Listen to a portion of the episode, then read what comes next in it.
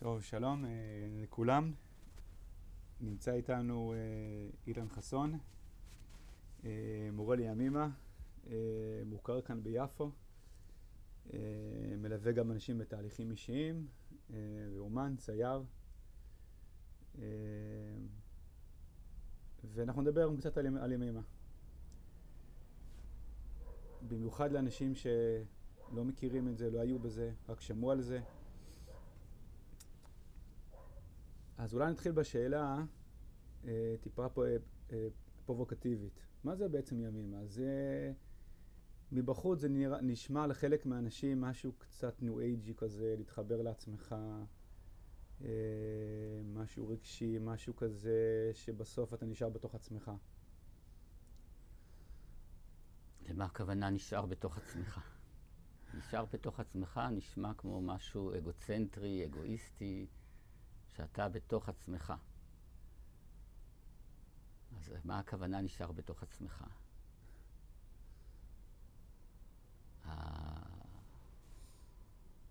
העבודה הימימאית מתחילה בעצמך, במובן הזה שאדם עובד על עצמו ומסתכל פנימה ורואה מה קורה בתוך עצמו בנפש, במקום להסתכל החוצה. זאת אומרת, ברגיל, האירועים החיצוניים שקורים לנו בחיים, נדמה לנו שבגלל האירועים אנחנו מרגישים כך וכך, אבל אנחנו מרגישים כך וכך, או פועלים בצורה מסוימת לא בגלל האירועים, אלא בגלל מה שקורה אצלנו. מה שקורה אצלנו משפיע על מה שקורה בחוץ, ברגיל אנחנו חושבים שמה שקורה בחוץ משפיע עלינו, ולכן אנחנו מתמקדים כל הזמן במה שקורה בחוץ. זה קורה בין אם מול מאורעות החיים, שמובילים אותנו לאכזבות או לתסכולים, וזה קורה ביחסים אישיים, דברים שגורמים לנו לכעס, לתסכול, שנדמה לנו שהם נגרמים בגלל אנשים אחרים.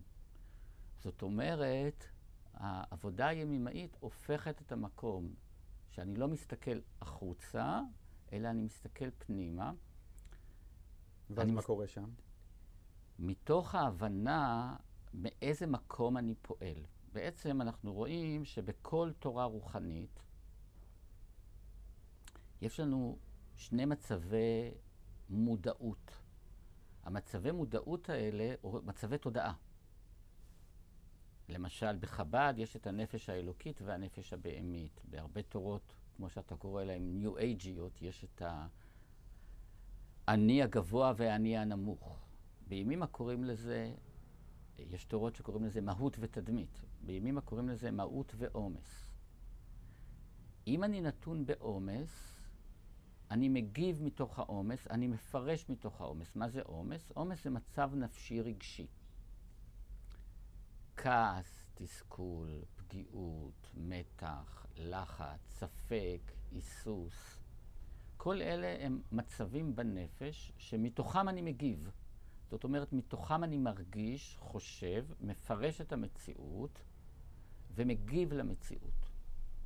זה מצב תודעה מאוד נמוך. זה מצב תודעה של תוהו, שהוא מביא אותי הרבה פעמים גם לתוצאות לא טובות.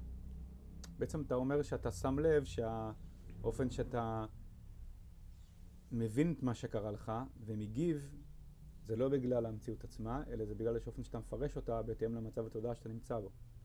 כן. וזה משהו שהוא, קראת לזה תוהו?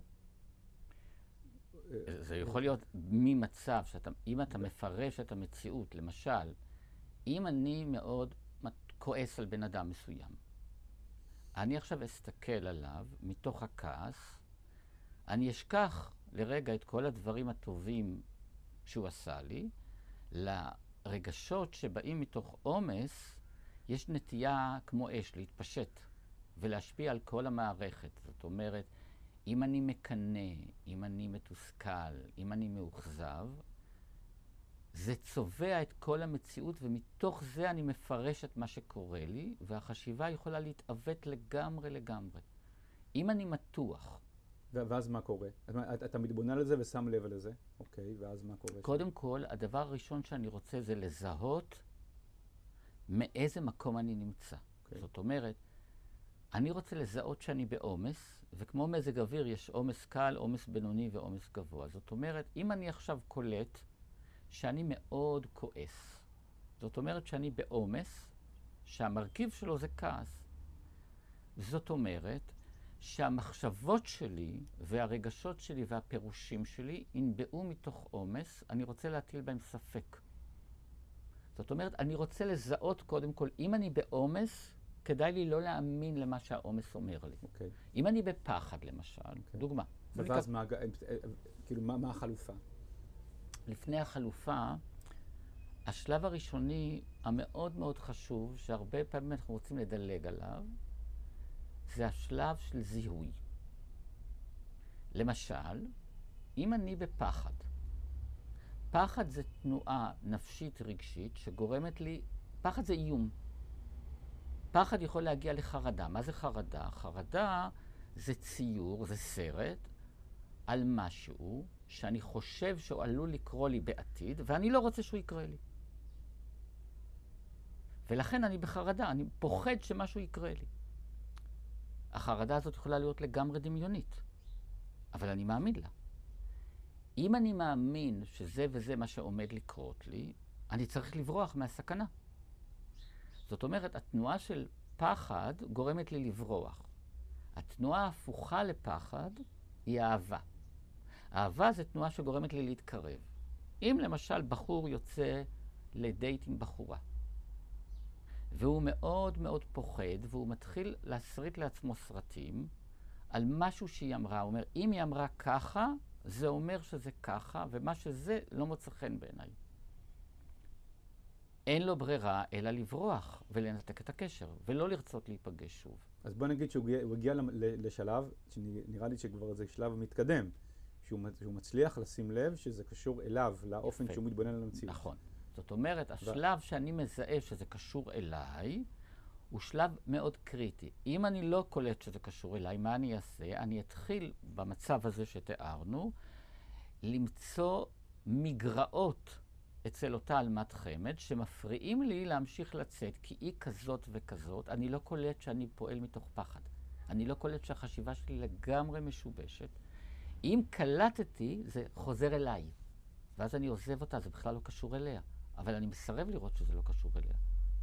זאת אומרת, אם הפחד השתלט עליי, והעומס, מרכיב הפחד של עומס הוא חזק, אני משוכנע שיש בה מגרעות שלא מתאימות לי, וכדאי לי לנתק את הקשר. הזיהוי הוא שלב קריטי, משום, ובלימוד אנחנו הרבה פעמים... אפשר להגיד שבשלב הראשוני, שעדיין זה לא מפותח, אדם הוא לא יודע האם באמת מה שהוא רואה זה מה שהוא רואה, או שזה המשקפיים שלו. נכון. וככל שהוא יתקדם יותר בהתפתחות הזאת, הפנימית הזאת, הוא יצליח יותר לעשות עבודה על מה שנקרא המשקפיים שלו, ממש. על המציאות. על העדשה. על העדשה. העדשה ש... שמרמה. ש... שהוא מתוכה מתקדם לסטיות, ואז יוכל לשים לב האם מה שהוא רואה זה באמת מה שהוא רואה, או שזה העדשה שלו צבועה בצבע מסוים בגלל מצב התודעה שלו. ממש, בדיוק ככה. לעשות הפרדה בין השניים. בדיוק ככה. אז המילה הפרדה שאמרת, זה השלב הבא. השלב אחרי זה זה הפרדה ותיחום.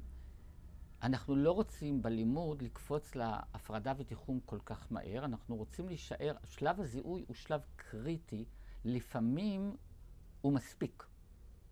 למה הוא מספיק? כי קודם כל שלב הזיהוי מחזיר את הראייה אליי. כולנו מבינים שאם טוב לי, אני רואה טוב. אם רע לי, אני רואה רע. כמו שאומרים על ילדים, אין ילד רע, יש ילד שרע לו. אם רע לו, מתוך המקום שרע לי, אני מתרגם את המציאות. זאת אומרת, בוא תראה באיזה מצב אתה.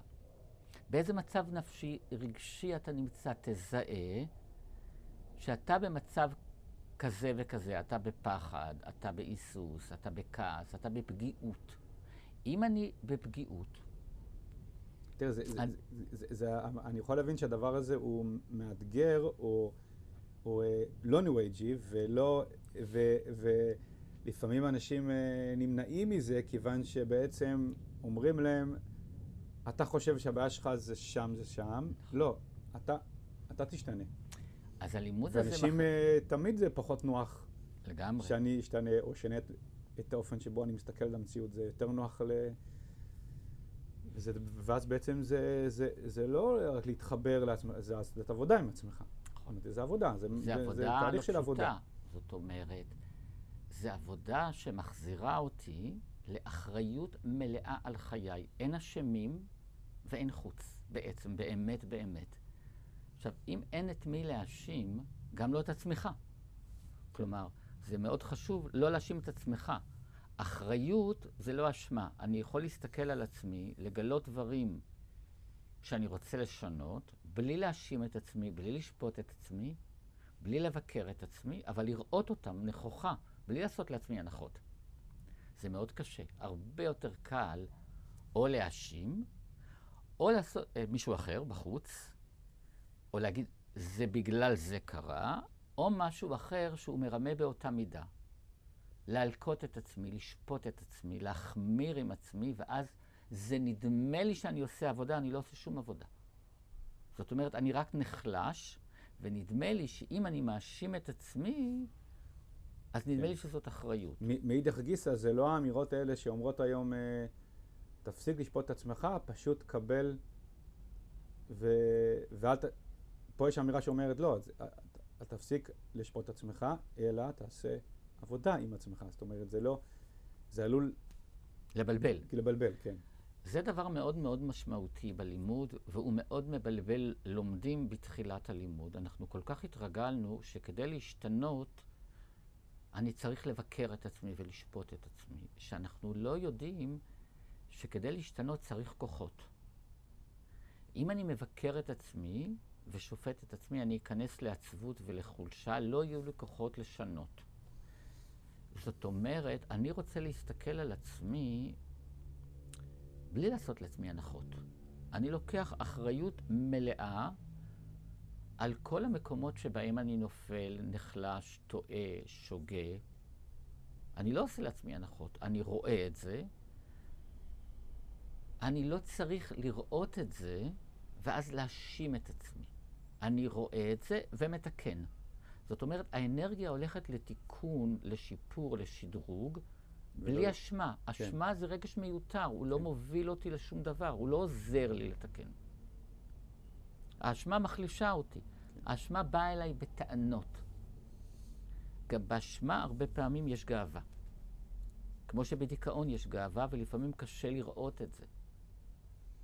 זאת אומרת, אני יכול להתבונן על עצמי, לראות את המקום שממנו אני פועל, לזהות את זה ולתקן. זאת אומרת, כל העבודה הימימאית היא אחריות אישית מלאה על חיי. אפשר להגיד שבאיזשהו מקום, אם ניקח את זה לשפה שמכירים בעולם היהודי, זה עבודת מידות, אבל, אתה חושב, החידוש הוא שזה עבודת מידות ש, שהיא לא רק לומדת מה המידה הטובה, ומנסה ליישם אותה בחיים, שזה נגיד מה שיותר מוכר קלאסי. בואו נלמד מה המידה הטובה, ננסה להבין את ה, שזה באמת כטוב, ואז ננסה ליישם אותה.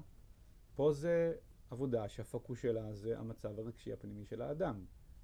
שאי אפשר לדלג מעל, נכון, אי אפשר מעל לדלג. הרגש בעבודת מידות. זה נכון צריך לשים לב איפה אמרת. הרגשות נמצאים, ולהיכנס לעומק. שלהם ולהצמיח אותם, ולא לדלג עליהם.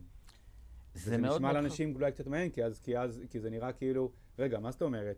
לפעמים לאנשים זה נתפס, כאילו הרגשות זה בטון, זה מצב נתון, את זה אי אפשר. כן. ועכשיו, אם אני רוצה להשתנות, אני פשוט צריך להשתמש בשכל, להבין וליישם.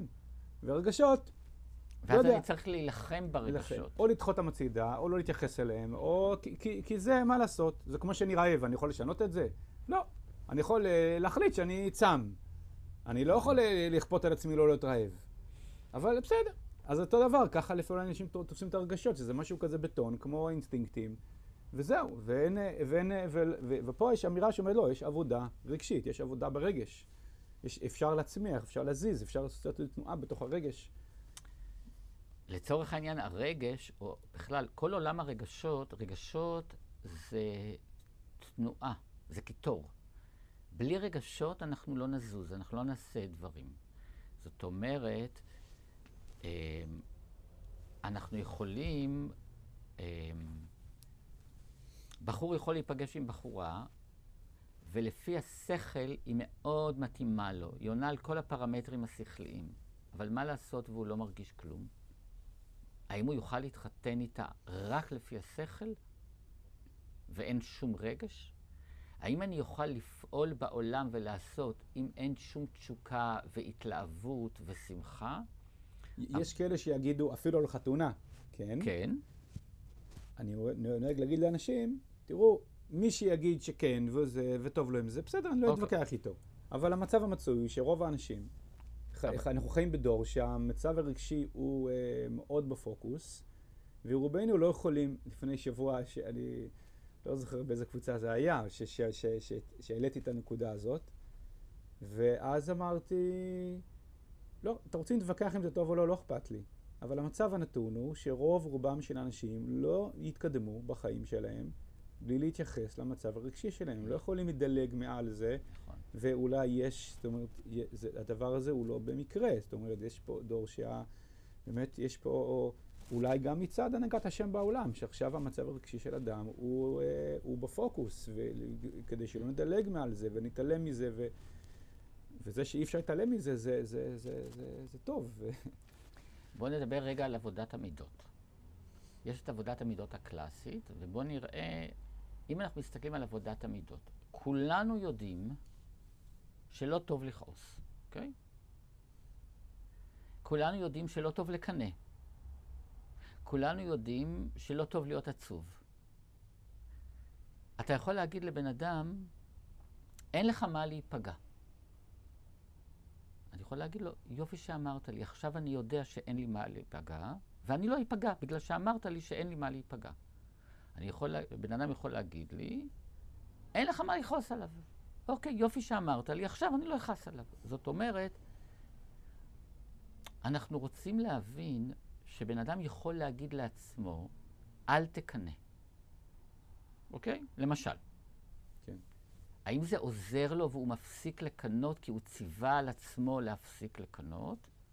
או הוא יכול מאוד לנסות ולהפעיל הרבה כוחות, לא לקנות, לסגור את הקנאה בתוך איזה מרתף עם 18 מנעולים, האם היא נעלמת? או האם הוא משקיע את כל האנרגיה בלדחות משהו שקיים אצלו? עכשיו, אם נסתכל לדוגמה על הקנאה, אדם מקנא כי יש לו חלל ריק, חסר לו משהו. זאת אומרת, אי אפשר להתגבר על הקנאה, אלא צריך לחזק אותו. צריך ל... לחזק אותו. זאת אומרת, החלל הריק הזה, צריך לתת לו אור. זאת אומרת, מה זה אור? צריך לחזק אותו, למשל, בדימוי העצמי שלו. יש לי דימוי עצמי חלש, ולכן אני מסתכל ומשווה את עצמי לסביבה, וכולם נראים לי יותר מוצלחים. לא יעזור שאני אגיד אל תקנא. יעזור אם אני אחזק את עצמי, ומה שימימה אומרת, למשל, להכיר טובה לעצמך. ילמד להעריך את עצמי, לקבל את עצמי, לאהוב את עצמי, לחזק את הדימוי העצמי שלי, לתת לעצמי ביטחון. ואז תהפוך את הקנאה למשהו ואז מיותר. הקנאה תיעלם, היא, תהיה מיותרת. היא פתאום. אני בעצם בכלל לא נלחם עם הקנאה. אני לא משקיע את האנרגיה במאבק. ימימה אומרת שכל אדם שאתה נפגש איתו, כולל אתה עצמך, היא קוראת לזה נפש הנאבקת לקיומה. למה בן אדם נאבק כדי לקבל מקום? אבל המאבק הזה גוזל המון אנרגיה. אני יכול המון המון אנרגיה להשקיע בלא לכעוס. וזה לא יבטל את הכעס. מה שזה יעשה, זה רק ידחיק אותו, זה יגרום לכעס להתאפק. ההתאפקות זה אחד הדברים הכי גרועים, כי מה שאני מתאפק יכול לגרום לי למחלות, ויכול לגרום לי אחרי זה להתפוצץ בכעס נוראי שאף אחד לא הבין מאיפה זה בא לי. או שזה יתלבש בכל מיני דברים אחרים. או שזה יתלבש על משהו אחר. בין השאר זה מתלבש על רציונליזציה. שבן אדם עושה לרגשות רציונליזציה, זאת אומרת, הוא מפרש אותם מהשכל, וזה נראה לו שהוא כן. שולט בהם. כן. ואז גם כשהוא מנסה לתת אה, אה, אה, ביקורת שכלית, רציונלית, הוא לא שם לב שהכעס נמצא שם. בדיוק. וזה לא באמת ביקורת שכלית רציונלית. הוא יכול להגיד, אני לא כועס. אני לא כועס, זה באמת מה שאני חושב על סיטואציה. בדיוק. והוא לא יכול לראות שכל הפירוש שלו לסיטואציה, לצערנו, הרבה פעמים אה, בעולם של אנשים שומרי מצוות, זה יכול להתלבש על אה, מקומות של אידיאלים, של כן. ערכים, זה יכול להתלבש למשל... כאילו דוג- כשאתה מתעלם מה, מה, מהרגשות ומנסה לייצר עבודת מידות שלא מתחשבת ברגשות ולא עושה שם עבודה, זה לא, לא באמת תצליח, אלא אותה אה, מצב נתון, מצב רגשי, אה, הוא פשוט יחפש דרכים אחרות, כמו מים, נכון, אתה רוצה לחסום אותם, אז ייכנס למקומות אחרים, ממש ככה, אחרים, ממש ואז ככה, אתה ממש כאילו ככה. תעבוד על עצמך, שבאמת אתה תיקנת את המידה הזאת, אבל לא ממש. באמת תיקנת אותה. ואז זה יחלחל, למשל, אני אתן לך, לך דוגמה, למשל, אה, נגיד שאדם יש לו אה, הפרעות מסוימות בנפש, והוא צריך לשטוף ידיים 20 פעם ביום, והוא בפחדים וחרדות ואובססיות. אדם דתי יכול להסתכל על זה ולהגיד, הוא מקפיד על מצוות. זאת אומרת, הוא מחמיר. בלי לראות שכל ההחמרה הזאת, היא גם הסביבה יכולה להריץ אותו על ההחמרה, בלי לראות שההחמרות האלה באות ממקום מאוד נוקשה בנפש, שהתלבש על איזושהי החמרה שנראית כמו צדיקות. כן.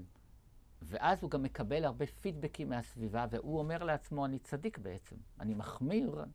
זאת אומרת, יש פה בעצם אה, אה, מה שנקרא הקפדה על הלכות מסוימות, בלי לראות שכל הדבר הזה בעצם נובע ממקום נפשי לא פתור ולא סגור ולא מתוקן, ומצב טוי לגמרי. כן, רק להגיד, זה- לא שאדם הימי- הימימאי הוא עכשיו בהכרח מקל, אלא הוא מחליט להקל או להחמיר באופן ענייני, ולא מלביש על השיקול דעת מצבים רגשיים של נכון. אה, זה.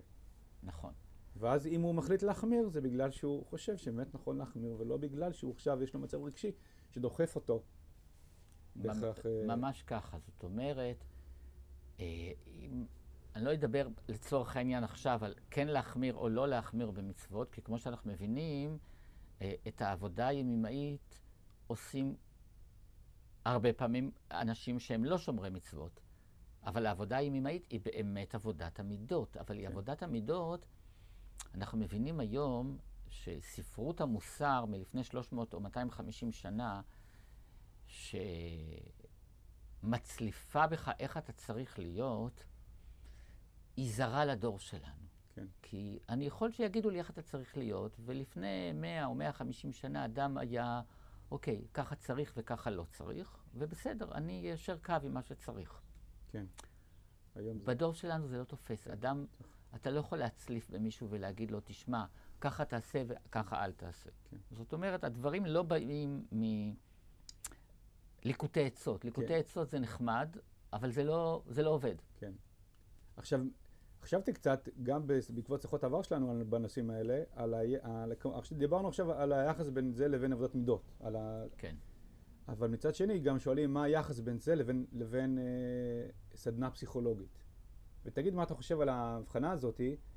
אה, אני חושב שבאופן כללי בעול- בעולם הפסיכולוגיה, אה, זה לא עבודת מידות, זה בכלל לא עבודה של מידות. אלא המטרה של פסיכולוגיה זה לאפשר לאדם רווחה נפשית. כלומר, להקל על, על, על סבלו של אדם, אה, כלומר, רווחה נפשית. בעולם הפסיכולוגיה באופן אה, קטגורי, הוא לא בהכרח אה, אומר שיש רגש מתוקן או לא מתוקן, או אמת ושקר בתוך הנפש, בתוך עולם הרגשות. ופה, כאילו, אני חושב שעולם הפסיכולוגיה, מה שהוא עשה זה שהוא אמר, טוב, העולם של הטוב ורע, אמת, וש... אמת ושקר, זה בשכל. עזבו אותנו מזה. אנחנו רוצים רווחה נפשית. וזה לא, שזה- וזה לא אמירה כאן של, של עבודה ימימאית. הוא אומר, לא. יש בה רגש, עולם שלם של אמת ושקר, של, של טוב ומתוקן, של. משהו שהוא יותר מחובר למקום יותר אמיתי אצלך, למקום שהוא, לעומת מקום שהוא צל, או מקום שקרי, אצלך. אז לכן יש פה עבודה, ולא רק אה, להשיג רווחה נפשית. יש המון המון המון הבדלים בין עולם הפסיכולוגיה הקלאסי לבין ימימה, או אפילו לצורך העניין, אמ, מקומות שאנחנו קוראים להם פסיכולוגיה יהודית, או מקומות שאנחנו קוראים להם עבודת המידות וכולי. ההבדלים הם מאוד מאוד גדולים. כמו שאמרת, אחד הדברים זה, בעולם הפסיכולוגי אני בעצם רוצה לרפא את הסימפטומים ולהגיע לאיזה רווחה. בעבודת המידות, או בעבודה ימימאית, המטרה היא לא להגיע לרווחה. זה כמו שבבודהיזם המטרה הכי גדולה היא נירוונה, שתהיה רגוע. המטרה היא שלא תהיה רגוע בכלל. לעשות עבודת מידות זה לא דבר מרגיע. דבר שני שיכול מאוד לבלבל, בעולם הפסיכולוגיה הרבה פעמים המטפל הוא לא שיפוטי. זה נשמע שגם בימימה אתה לא שיפוטי, כאילו. בלא שיפוטי זה מקבל הכל, אנחנו ממש לא מקבלים הכל. זאת אומרת, יש תוהו ותיקון, יש עומס ומהות. זאת אומרת, יש נכון ולא נכון, יש רגשות בונים ומפרים, ויש רגשות שיובילו אותי למקומות לא טובים. זאת אומרת, יש רגשות שכדאי לי להקשיב להם ולתת להם להוביל אותי, ויש רגשות שאוי ואבוי אם אני אקשיב להם. זאת אומרת, שכל העבודה היא שונה לגמרי. העבודה היא לא עבודה להרגיע את הסימפטומים או להרגיע את הלחץ שלי. כן. העבודה הימימאית היא עבודה של משמעות. במשמעות יש עבודה סזיפית לא פשוטה בכלל. כן, להגיע למהות. להגיע למהות. כן. זאת אומרת, ניקח את המילה מהות ונתרגם אותה כמו המילה נשמה, או הנפש האלוקית. יש עוד דבר בימימה שלא קיים בעולם הפסיכולוגי, וזה המקום הרוחני. עוד דבר, בעולם הפסיכולוגי, העולם הפסיכולוגי לא מתיימר להיות מוסרי. הוא לא מתיימר שיהיה בו מוסר.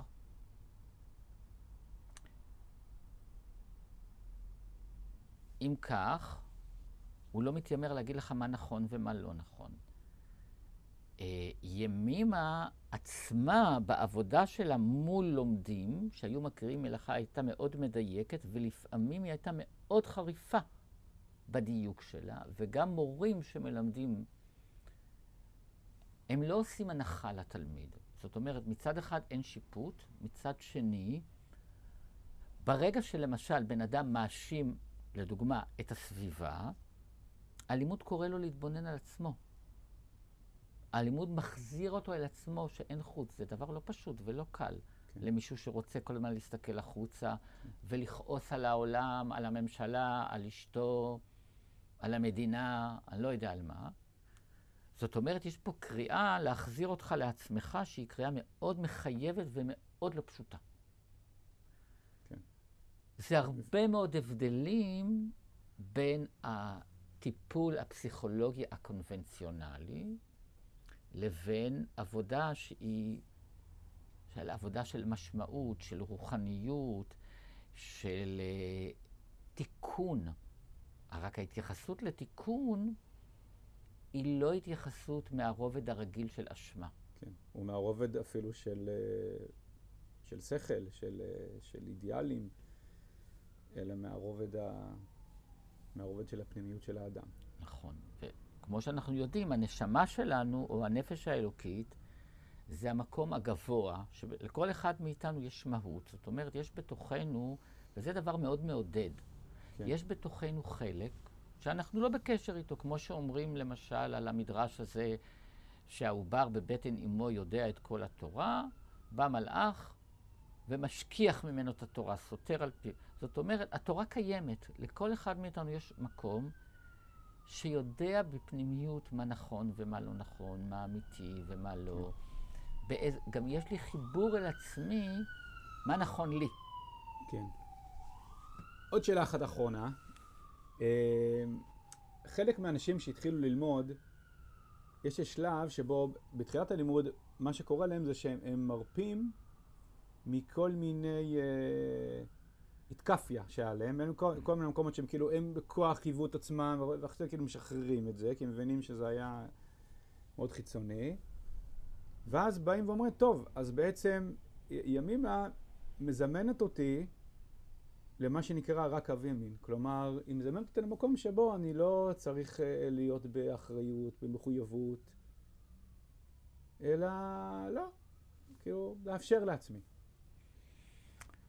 זאת שאלה מצוינת. לפני זה אני אספר משהו מאוד מעניין. כתוב על אברהם אבינו שהוא קיים את כל התורה לפני שהוא קיבל אותה. כן. אז איך? תשובה מאוד פשוטה. הבן אדם היה מחובר, והוא לא היה צריך שיגידו לו מה לעשות. הוא היה מחובר.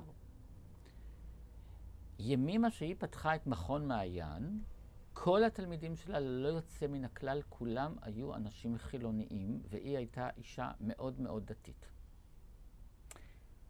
היא כמעט מעולם לא דיברה על קיום מצוות, ולא דיברה על הקדוש ברוך הוא. יש לה חלקים מאוד מאוד מעטים שהיא מדברת, גם כשהיא מדברת על חגים, היא מדברת על זה במובנים מאוד לא של קיום מצוות. באיזושהי צורה די פלאית, חלק גדול מהלומדים שלה שנהפכו להיות מורים, בשלב מסוים של חייהם חזרו בתשובה. חלק גדול מהתלמידים שלה והתלמידים של התלמידים שלה חזרו בתשובה, וחלק גדול מהאנשים שלא חזרו בתשובה התקרבו מאוד מאוד לעולם היהודי. איך זה קרה? היא לא כיוונה לשם. היא מסבירה וש... שזה קרה ברגע שאנשים מתחברים והם יהודים למהות שלהם, הם מתחברים גם למהות היהודית. זה קרה, זה לא קרה לאחד, זה לא קרה לשניים. זאת אומרת, קורה בעצם בדיוק הפוך. כולנו מבינים שאם אנחנו מנסים לבוא, לא סתם כתוב לא הקפדן מלמד, אם אנחנו מביאים אל עצמנו ממקום מאוד תוקפני, מאוד דורש, מאוד מחמיר, גם בחינוך זה גורם לנו להתנגדות. אם יש לנו מהות, והמהות מחוברת לחלק אלוקא ממעל, למה שהיא לא תרצה באופן טבעי וברור, למשל, להתפלל? אבל לא רק להתפלל, לקחת על עצמה, כל מיני... מעבר לעשייה עצמה, המילים, המילים שקודם השתמשתי, זה מילים שהם יותר שייכים לצד שמאל, שזה אחריות, לקבל על עצמי מחויבות. מחויבות זה כאילו, אני אקבל עצמי להתמיד במשהו, אני רוצה לקבל על עצמי להתמיד במשהו, אבל יש במילה הזאת, במשפט הזה משהו חמקמק. כי כשאני אומר, אני רוצה לקבל לעצמי להתמיד במשהו, אני כאילו אומר לעצמי, ואני יודע שלפעמים לא יתחשק לי, אבל אני, אני, אה, אני, אני רוצה לא להקשיב לקול הזה שלא מתחשק לי, ולעשות את זה. אבל אתה השתמשת במילה אני רוצה. לא כפו עליי, לא אני כפיתי על עצמי, לא אני, אני רוצה. יש בך מקום, בכל אחד, שממש רוצה, שמשתוקק. אם אני מחובר למקומות האלה, אני רוצה את זה באמת. זה כמו, יש אה, כן. אה, בספר של חיים... ואז יש לי כוח, ואז יש לי כוח להכיל בתוך זה את ההתמדה, את המחויבות, את הגבול. בוודאי, לגמרי. ואני לא נופל על המקום שאני כל הזמן, מה שמפעיל אותי זה בא לי עכשיו, לא בא לי עכשיו. יש שם מקום, המקום של מחויבות, קודם כל, ברגע שאנחנו מבינים שהכל חוזר אליי, אז גמרנו, אני כל הזמן צריך לעשות שם עבודה, אני כל הזמן צריך לעשות שם עבודה. יש אה, חלק, אה, יש... אה, בספר של חיים סבטו, מדובר שם על איזה יהודי ספרדי פשוט, שומר מצוות, שהולך לבית... שהוא כל הזמן אומר, נדמה לי שקוראים לו רחם עם סימן טוב או משהו כזה, הוא אומר שהוא לא הבין איך אנשים חווים את המצוות בתור עול. בשבילו זה היה תענוג גדול, הוא כל הזמן חיכה שזה, מתי יגיע סוכות ואני אוכל לנענע, מתי יגיע פסח. ו... זאת אומרת, כל המצוות באות ממקום שאני כל כך שמח לעשות את זה. יש בנו את המקום הזה. טוב, טבע הטוב להיטיב. זאת אומרת, אני יכול להיטיב כי לא נעים לי, כי אני מרגיש אשם, ואני יכול להיטיב כי אני מבטא את עצמי. זה עולם אחר לגמרי. אני יכול לעשות טוב למישהו כי אני אשם. כן. כי אני לא בסדר, כן. כי לא נעים לי. ואני יכול לעשות טוב כי אני מבטא את עצמי. זה עולם אחר לגמרי. זאת אומרת, כל המקום הזה יכול להגיע ממקום אחר לגמרי, שאין בו כן. מאבק, כן. אלא יש בו ביטוי כן. של העצמי הגבוה שלי. כן. אבל גם בתוך המקום של עצמי הגבוה שלי יכול להיות גם סוג של מאבק. למשל, אדם יכול, יש גם ברבי נחמן משפט כזה, אדם יכול להחליט שהוא הוא, הוא עכשיו שומע לרצון יותר עמוק שבו, ו, ולא להקשיב לאיזשהו בעלי חלש כזה, ויש לו תענוג, גדול, הוא, הוא כאילו הכריח את עצמו, אבל יש לו תענוג גדול מזה. כי הוא בעצם הצליח להיות מחובר למשהו יותר מהותי, ואז ה, יש לו תענוג גדול מזה שהוא התמיד ולא נכנע לאיזה חולשה. אז אני אקח את מה שאתה אומר, וככה נסיים בזה, כי זה בדיוק קשור לעבודה הימימאית. זאת אומרת ככה, אם אני בעומס, ואני קולט שאני בעומס, אני לא מקשיב לעומס. העומס לא ינהל אותי. אני זה לא העומס שלי. זאת אומרת, החלק שאתה אומר, אני בוחר להקשיב, אני בוחר להקשיב למהות, לא לעומס. אז אני כן. קודם כל צריך לזהות שאני בעומס, ולבחור לא להקשיב למה שהעומס אומר לי. העומס יגיד לי לעשות כל מיני דברים, שאם אני מבין שזו התנועה הרגשית שלי, אני לא רוצה להקשיב לזה, אני רוצה לפעול ממקום יותר גבוה ולשמוע את המסרים של המקום הגבוה. עכשיו, נגיד דבר נורא פשוט. המהות או הנשמה או המקום הגבוה שלנו הוא לא מקום אגרסיבי. העומס הוא תוקפני. כן. אם אני... הוא, הוא אומר, הוא מגיב. אני מהר מאוד שומע לו. המהות משמיעה את קולה בקול חרישי. אני צריך להיות במקום מאוד שקט כדי להקשיב למסרים שבאים מהמהות. המסרים שבאים מהעומס הם מסרים אגרסיביים, ולכן הם גורמים לתגובה מהירה. כן. המהות היא חרישית, היא איטית. אני צריך ממש להקשיב ולזהות מאיזה, למי אני מקשיב. זאת אומרת, אם אני מקשיב לעומס, אז אני פועל מתוך העומס. מכיוון שאני מזהה שעכשיו אני בעומס, שזה אחד הדברים הראשוניים. אתה בעומס, זה לא מקום להגיב ממנו. העומס יגרום לך לחשוב בצורה מסוימת, לפרש ולהרגיש. הוא, הוא יכול גם הפוך, שאני עכשיו רוצה לברוח מסיטואציה, לא בא לי, אבל גם הלא בא לי הזה, הוא, הוא בא מעומס. ברור, לגמרי. הלא בא לי בא מעומס. כן. זאת אומרת, לא בא לי, הוא תמיד בא מעומס. כשאדם מחובר למקום גבוה, הוא אף פעם לא יגיד בא לי או לא בא לי, אלא הוא יתחבר למקום יותר גבוה. נכון לי, מתאים לי. יש מקום שהוא הרבה יותר גבוה מבא לי, לא בא לי.